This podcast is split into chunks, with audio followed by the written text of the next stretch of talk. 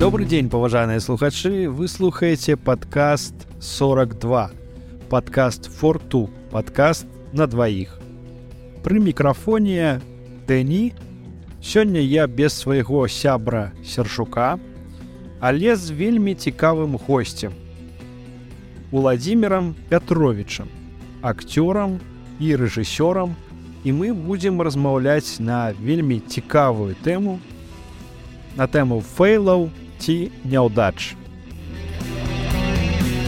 Мне всегда по жизни я очень сильно уважал и уважаю работников, особенно театра и особенно вот э, режиссеров, актеров, за то, что когда ты приходишь и видишь уже готовую работу, ты видишь, понимаешь, сколько, сколько вообще сил, сколько, сколько энергии потрачено на то, чтобы вот это все прошло на одном дыхании. И когда ты видишь часы, а, когда ты видишь, что это вот столько материала и держать в голове и сыграть ты тут иногда не можешь номер телефона запомнить, а люди запоминают, как сыграть какую-то эмоцию. И вот в связи с этим у меня большое уважение, что это не заложать, не и сыграть так круто, и еще при этом, когда ты видишь, что у людей кое такой кайф они сами от этой работы получают. В чем рецепт вот этого вот всего? Это, это талант, это, это годы работы, это учеба? Э, да, да. Ну, скорее всего, это любовь к профессии. В большей степени. Ну, то есть талант, все, это все э, что-то нарабатывается. Талант можно наработать. То есть он есть, дается какая-то божья искра, а остальное уже с опытом Э, нарабатывается. Но это любовь к профессии. Настолько уже популярна, как она, скажем, была в 80-е годы, когда артист, это, ой, да, артист, а то есть смотрели как на Бога. Сейчас ну, это немножко все снивелировано. Но тем не менее. А почему, вот э, если вернуться к тому, что режиссер, вот как он, мое понимание, это демиург, который, в общем-то, делает какую-то свою вселенную. И вот в этом он э, весь, начиная э, от э, замысла и заканчивая выходом спектакля, он во всех этих мелочах, буквально, он должен действительно в голове все держать, совершенно все. То есть иногда мозги начинают закипать, ты на себя останавливаешь, стоп, тихонько, давай вернемся опять к этому, и начинаешь э, это все делать по-новому. Но я думаю, что всем э, этим движет все-таки любовь к профессии. Не любя эту профессию, ничего не будет. Совершенно ничего. Я хотел э, спросить на тему сегодняшнего э, выпуска фейлах о таких каких-то неудачах, э, которые случаются у каждого. И я уверен, что бывало и в вашей жизни какие-то, даже не, не то чтобы творческие какие-то вещи, что что-то не получалось, там не, не попадали там в зрителя условно, да, там или, или, или там, не знаю, кулиса отвалилась, там какая-нибудь конструкция. Какие, какой вот такой из, возможно, из смешных каких-то интересных фейлов, которые были в вашей творческой карьере? Э, какие уроки вы из этого фейла для себя подчеркнули? Я понял, понял вопрос. Был такой спектакль, когда я был молод, э, я играл в таком спектакле «Оглянись в любви своей». Такая была предтеча бразильских сериалов. Очень такой галимый совершенно материал, сопли по стеклу разматывались, зритель плакал, я его терпеть не мог, я играл такого, в общем-то, отрицательного. То есть он положительный, но в конечном итоге оказался отрицательным. И вот самое интересное, то есть то, то самое обидное, наверное, для шокирующее для актера, тем более для молодого актера, я на каком-то этапе репетиции этого спектакля, меня с этого спектакля снимают. Вот просто снимают. Я, конечно, надумал в своей голове много разного. Мне не объяснили причину. То есть где-то как-то так, что вот я не справляюсь. Я вот молодой, и вот как-то это главная роль, я не справляюсь. Меня сняли с этой роли. Это был, конечно, шок. Это был шок, его нужно было очень сложно, и сложно его было. Я разозлился. Не ушел в депрессняк, не ушел там, да, да, по голове ударило. И ходил прибитый, но так как я телец, я разозлился. И, кстати, это один из факторов, что я стал режиссером. То есть в какой-то момент я тоже разозлился на безрежиссуре вокруг и пошел в режиссер. Но это другая история. Вернусь к этому э, спектакль. Я разозлился, и, ну, как-то жить надо. Я с театра не ушел, хотя иногда это есть повод уйти вообще с профессии. То есть, если тебя снимают, то ты какой-то неполноценный, ты какой-то недоразвитый, ты какой-то неталантливый, и вообще Насколько это вот в вашей профессии принято и насколько это часто случается, когда во время, в разгар уже творческого процесса снимают э, со спектакля, потому что это же очень сложный процесс входа в роль, да, вот, э, вот и, и, и, и насколько это и, и насколько это корректно делают, когда не объясняют причину? Да, там много было. И некорректность того, что мне объяснили причину, в том числе. Это редкий случай. Ну, я знаю, что, опять же, на, на моем, моем опыте э, был случай, когда снимали прямо режиссера с процесса. А это сделал Маслюк в свое время. Э, пришел какой-то человек, я не помню его фамилии, э, ему дали материал «Любовь, джаз и черт», который потом стал культовым спектаклем города Могилева. Вот, он лопатил, он месяц лопатил с актерами, то есть тупик был полный. И Маслюк пришел на какой-то показ, посмотрел, что там, в общем-то, шлак полный. Он снимает режиссера, сам его доделывает и еще играет главную роль. И спектакль становится культовым на многие годы. То есть он уже его нету, Маслюка нету, спектакля нету, но спросили многих моглевчан, театралов того времени, они всегда «Любовь, джаз и черт» вспомнят. Потому что его приезжали смотреть из Москвы. Это я э, к этой ситуации. С актерами бывает то же самое. Снимают, иногда снимают. То есть э, лопатят, лопатят, материал лопатят, понимают, что, в общем-то, не стыковка. Это, конечно, э, это, конечно, позиция и поступок режиссера снять. То есть это очень тяжело. Снять и, в общем-то, как-то смотивировать то, что почему сняли, и как-то объяснить э, актерам. Мне ничего как-то не объяснили. Вот. Я с этим прожил некоторое время, но самое-самое интересное, что актера, который назначили на роль, моего друга, он через какое-то время уходит, то есть очень близко. И то есть спектакль еще не вышел, а он уже уходит. Что, что думаете, меня вернули в этот спектакль. Я сыграл его 400 раз. 400 раз. Сейчас такого, такую, такую цифру невозможно даже представить. Я сыграл 400 раз. Я вот терпеть не мог этот спектакль. Ну, он плохой. Ну, то есть, он, нет, спектакль, он в конечном итоге получился неплохой, но материал ну, просто плохой. То есть, это, ну, сейчас это даже бы не рассматривалось. Вот. Зритель его любил. Очень много курьезов с ним происходило. Вот это вот один из курьезов, когда мы его играли где-то в России, где-то на зоне, причем строгого режима. Полный зал зэков, по, по периметру стоят автоматчики, мы играем этот спектакль. А я такой холеный, весь из себя, инженер-конструктор, там чего-то, поехал в Англию, в Англии на стажировку. Моя жена в это время рожает, умирает при родах, ребенок остается, э, ждет меня с Англии. Я приезжаю с Англии, получаю по морде – от, от э, подруги э, матери. И у меня такой, э, это была задумка режиссера, такая пауза. Я поворачивался с недоуменным лицом к зрительному залу и спрашивал, за что? И тут со зрительного зала фраза, да тебя, сука, вообще уволить надо было. Это, это кто-то из зэков так про, про, прочувствовал спектакль и меня, в общем-то, таким образом осадил. Вот. Ну, пришлось да, это все дело доиграть, но это вот такой курьезный случай. Здесь напрашивается интересная мораль вообще. Э, на самом деле, э, вот то, что вы разозлились, когда случился ваша отставка, да, и потом то, что в итоге 400 раз сыграли, что здесь, э, получается, нужно, ну что, выждать какой-то момент, Потому что да, у, да. у судьбы всегда приготовлены нестандартные ходы. Да. Можно было бы, конечно, развернуться, можно было бы уйти в депрессиях, можно было бы, наверное, бы запить, но я был тогда молодой, я вряд ли бы запил бы. Но можно было бы даже, даже уйти из театра. Да, это, это могло бы быть поводом. Могло совершенно. Потому что это удар по голове, оно такой серьезный. То есть ты как-то ну, выстраиваешь свою внутреннюю организацию, что ты актер, ты что-то можешь, ты, у тебя еще, ну, ты можешь расти, ты должен расти. Тут тебе говорят, бац, ты вообще говно. И так, а, и что делать, и что делать? Я, я не помню сейчас, монетизировал, я помню, что обида была очень сильная, обида от непонимания, где я что накосячил, почему я, почему так. А потом, тем более, когда я вошел в этот спектакль и его сыграл 400 раз, необъяснимо.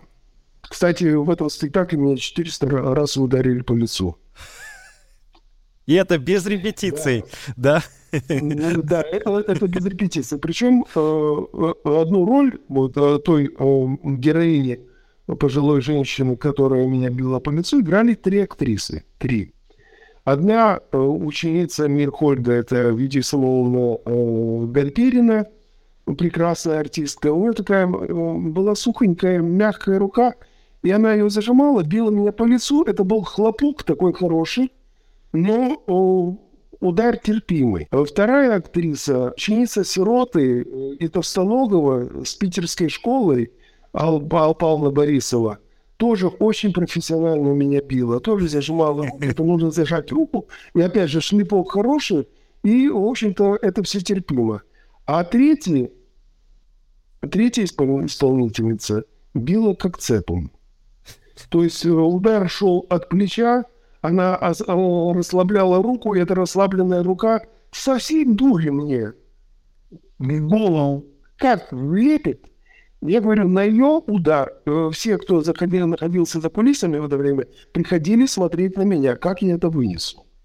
Отменить этот удар я не мог. То есть это был ну, прописанный удар. И, в принципе, можно было заменить на театральные всякие фишки. Есть, которые обманки. Но так как я стоял где-то в четырех метрах от зрителя, и удар шел со стороны зрителя, то, в общем-то, делать обманку, а тем более очень романтически, там, я потерял ребенка, я потерял, потерял жену, я теряю тут вообще семью и мать, это нужно было, ну, как бы все прочувствовать. прочувствовать. И я вот эти удары прочувствовал, по полной удары. То есть у меня кровь садилась с лица, пятерня на щеке просто явно, правда, проявлялась. И в голове происходил такой чмок, такой, вот такое ощущение, что с одной стороны, в другой мозги мои просто вот так вот делали чмок. Я чуть ли не терял сознание. Я подходил, бил сам. Я говорю, ну не надо меня так бить, давайте не как-то... Я, да, в следующий раз и в следующий раз. И вот где-то из 400 раз она 100 меня ударила. А, ну, ну, как говорится, все ради зрителя, и зритель получал нужную эмоцию в этот момент. Да, да. Что самое интересное, что зритель получал, он и плакал, он возмущался мной, что я такая сволочь. Я не раз слышал фразы. Вот та фраза, которая прозвучала в колонии, это была такая конкретная и жесткая. А шепоток по залу, когда я какой-то там гадость, ну, то, то же самое, когда я ему говорил, за что меня так ударили. Но это шепоток по залу, что я такая сволочь, и не да, и так тебе и надо, это всегда было. Люди плакали. Великая сила искусства. Скажите, в этом случае конкретном, или даже если обобщать, что все-таки важнее? Это история успеха или это история каких-то неудач? Преодоление, преодоление, преодоление этой неудачи. То есть то, что я тогда не скуксился, не загнобил себя, Наверное, вот это самое главное. То, что это в моей жизни произошло, это тоже. По прошествии времени я к этому трезво совершенно сейчас отношусь. По прошествии времени, наверное, мне тогда это и надо было. Может быть. Может быть, кто-то сверху это видел.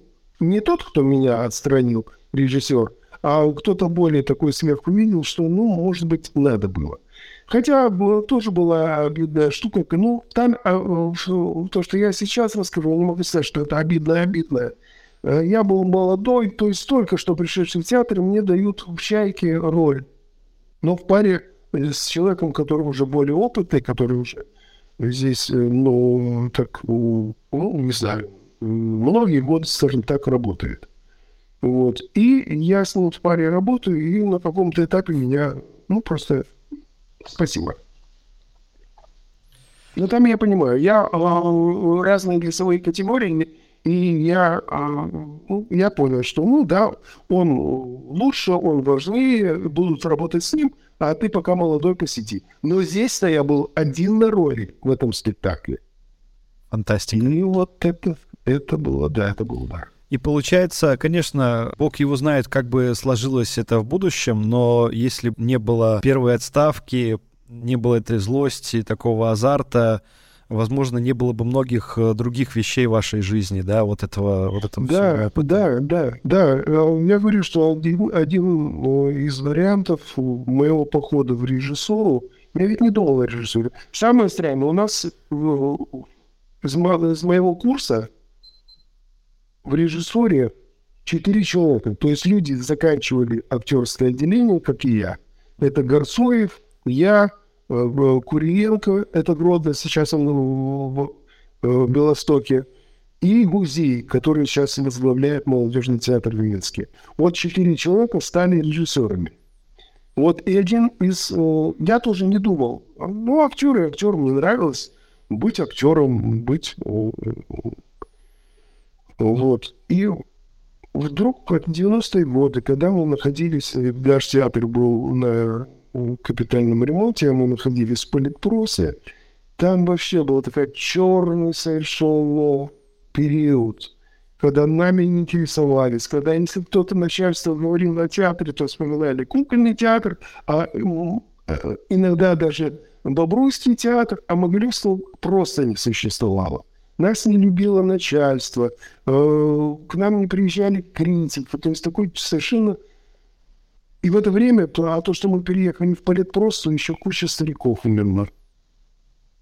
Кто-то ушел просто на пенсию, ну, то есть так, ну, просто ушел. А он бы работал, будь в этот театр, он бы работал. Но так как это новая площадка, не приспособленная ни света, ни музыки, ни акустики, ничего. Этот э, зал э, под 700 или 500 с чем-то человек. Все это не оборудовано, старикам это не нужно было. И многие просто умерли, и, а некоторые ушли именно просто черный период. И вот как-то в этом черном периоде тоже разозлился. Тоже какие-то пресса какие Думаю, ну что ж такое? Ну, ш... И вот первую попытку сделал. Спасибо всем, кто меня тогда на тот момент поддержал. А поддержали меня актеры. Вот. И в какой-то момент как бы жирную точку во всем этом поставил Новиков, только пришедший в театр которому я совершенно скептически поначалу относился. Ой, Борис Емович пришел, конечно, понятно. Вот, ну вот он как-то... Так, он вообще наблюдательный очень человек. В свое время, он, когда пришел в театр, он учился и очень активно учился всему и вся. Ему было интересно от э, процесса на сцене до э, гвоздя, лежащего где-то в, в подсобке. Вот. Э, и благодаря ему, скажем, я этот спектакль выпустил. Я репетировал, репетировал, а так как я репетировал с людьми, очень занятыми в театре, ну, то есть, ну, очень занятыми. То есть они не вылезали из театра, это были молодые люди. Вообще по, по молодости не вылезаешь, потому что ты то там занят, то там занят, то выезд, то, то спектакль, то еще что-то. И, естественно, я работал в свободное от работы время.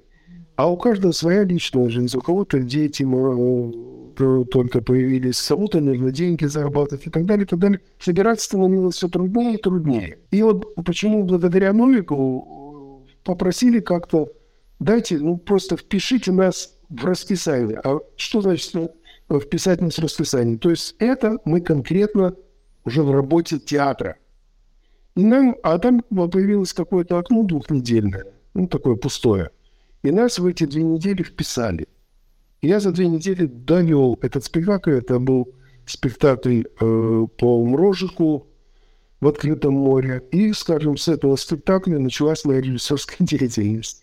Вот. Потом с этим спектаклем мы еще успели съездить в один из последних уже фестивалей в Гродно молодежных.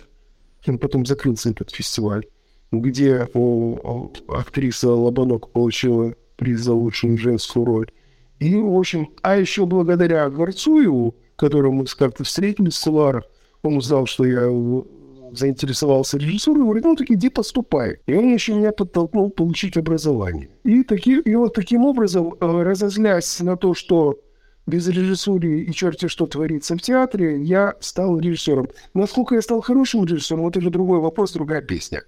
Вот. Я трезво к себе отношусь, я считаю, что э, режиссерского образования я не получил. Я как понимаю эту режиссуру, так я, в общем, ее и пою. Скажем, профессиональный режиссер может быть, э, довольно скептически относится ко мне как к режиссеру. Потому что все-таки в первую очередь я актер. Я как э, один критик на Белой Веже, когда я принес Гельвера э, на Белую Вежу, из пяти номинаций я три взял. Никто не мог поверить. То есть кто Петрович, что он. А это э, был спектакль «Дипломная моя работа». Когда я сдавал диплом, ну, сдавал уже диплом, э, в Академии окончания режиссуры, я а, отчитывался Гельмером, то на тот момент я уже был номинантом пяти или шести международных фестивалей, где э, или актеры из этого спектакля, или спектакль получал какой-либо приз.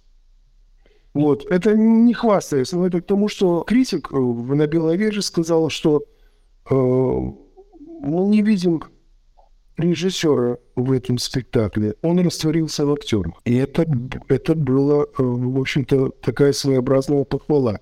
Потому что, да, там э, режиссуры как таковой сильно не было, но то, что было мной вложено, и актеры исполнили, сделали, сыграли, то это было вот оценено так. То есть э, режиссер здесь растворился в актерах.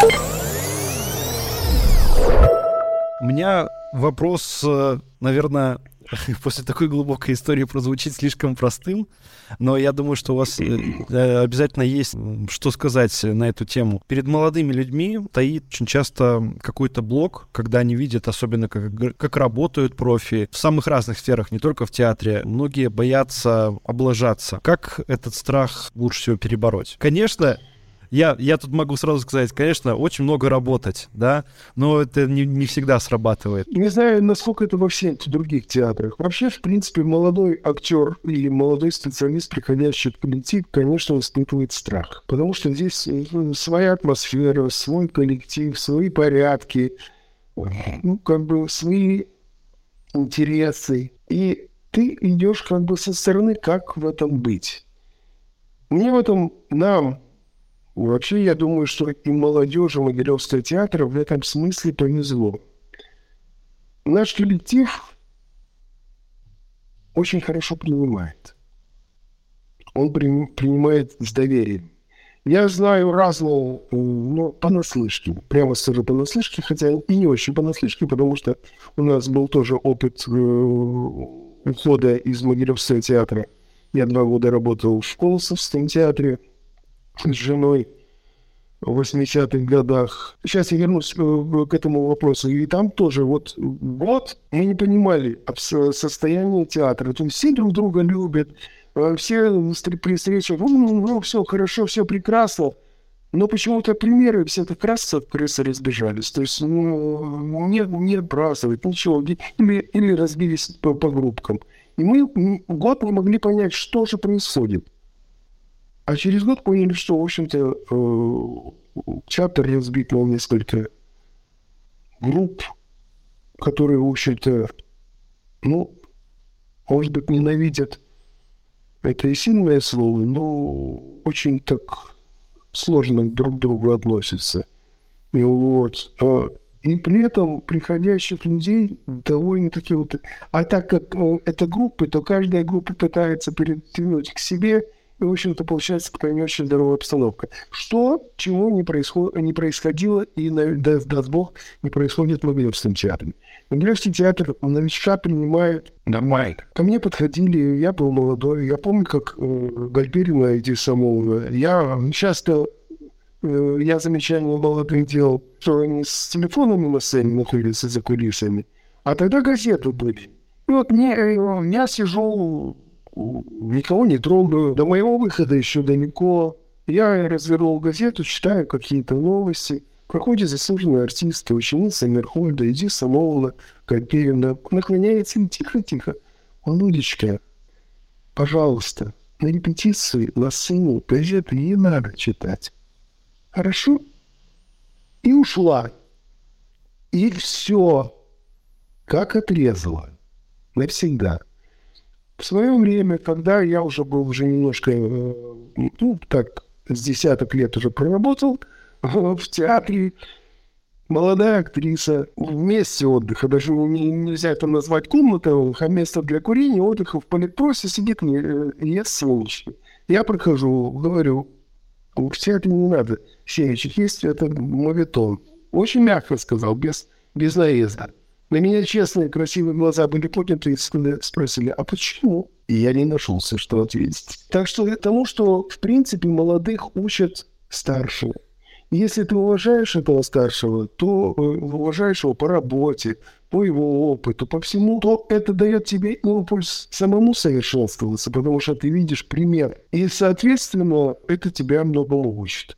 Так что с точки зрения Могилевского театра э, молодым везет их любят, пока они не начинают борзеть. Как вообще относятся к э, случаям, когда сам коллектив, сама команда видит э, неудачу какую-то, э, которая, возможно, зрителю незаметна? Как, как на нее реагирует потом после спектакля? Как это обычно происходит? Есть неприятный, неприятный момент, ну, ну, есть неприятный момент. И вот по последние годы их очень проявили, когда стали временщики появляться в театре главный режиссер предыдущий. Когда ты смотришь на спектакль, ты видишь на сцене полную ахинею, полный непрофессионализм. И ты понимаешь, что это делают люди, профессионалы, которые уже проверены опытом, проверены временем, которые делали очень хороший продукт. Вот ты сейчас видишь совершенно непрофессиональную работу. Мне очень трудно э, в этом случае подойти и поздравить с премьерой я уходил. Я не мог. Потому что, наверное, они обижались. Но и, и, они не виноваты. Я понимаю, что это не их вина.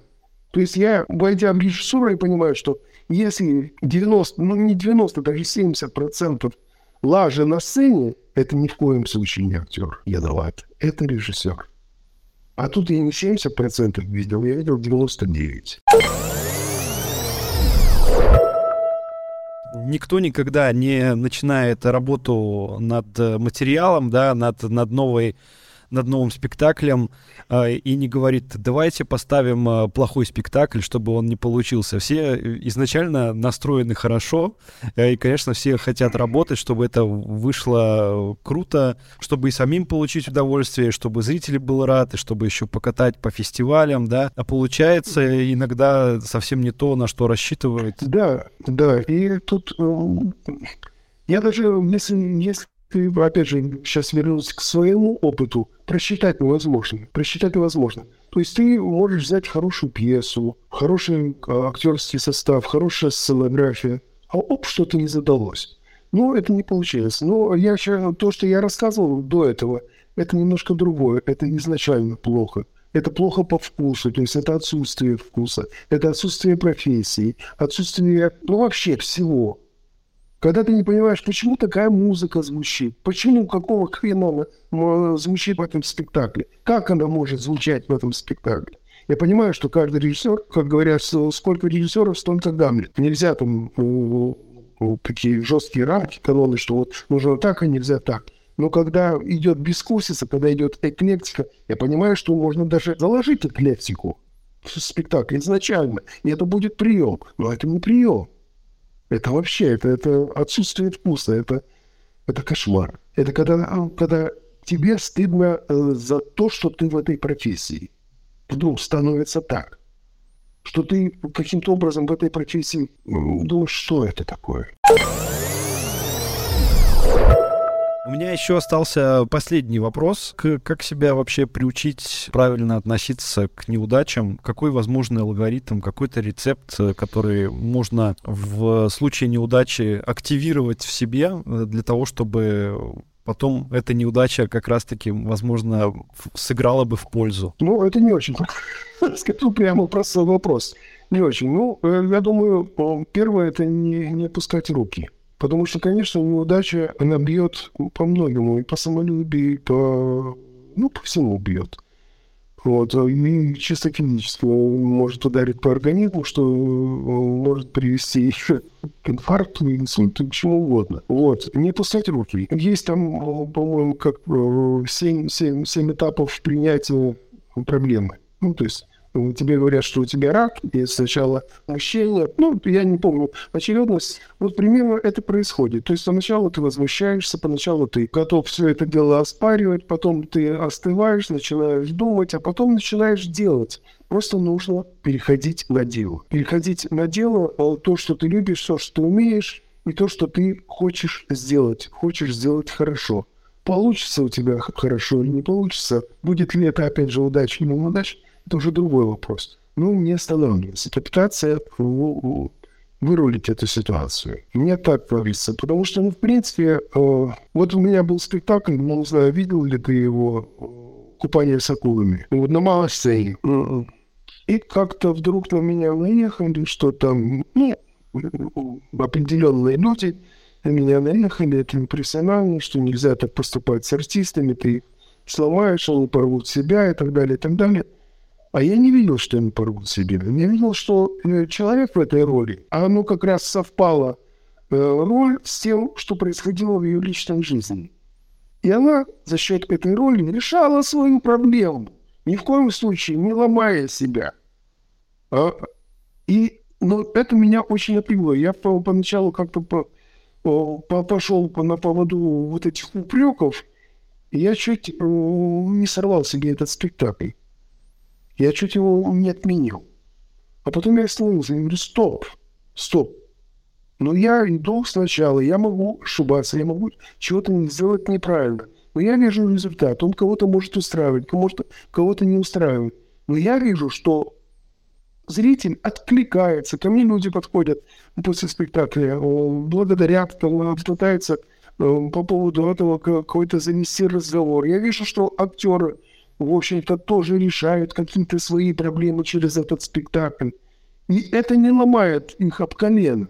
То, что мне поставили в упрек. Что, что ты ломаешь интуицию через колено. Главное не, не поддаться панике. Вот, вот э, наверное, одна э, ответ на тот вопрос не поддаться панике, потому что паника наступает. Зачем ты, кто ты, зачем ты в этой профессии, кто ты и, и нужен ли ты вообще?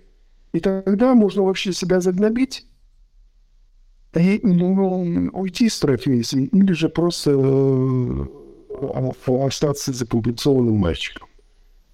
Надо преодолевать трудности.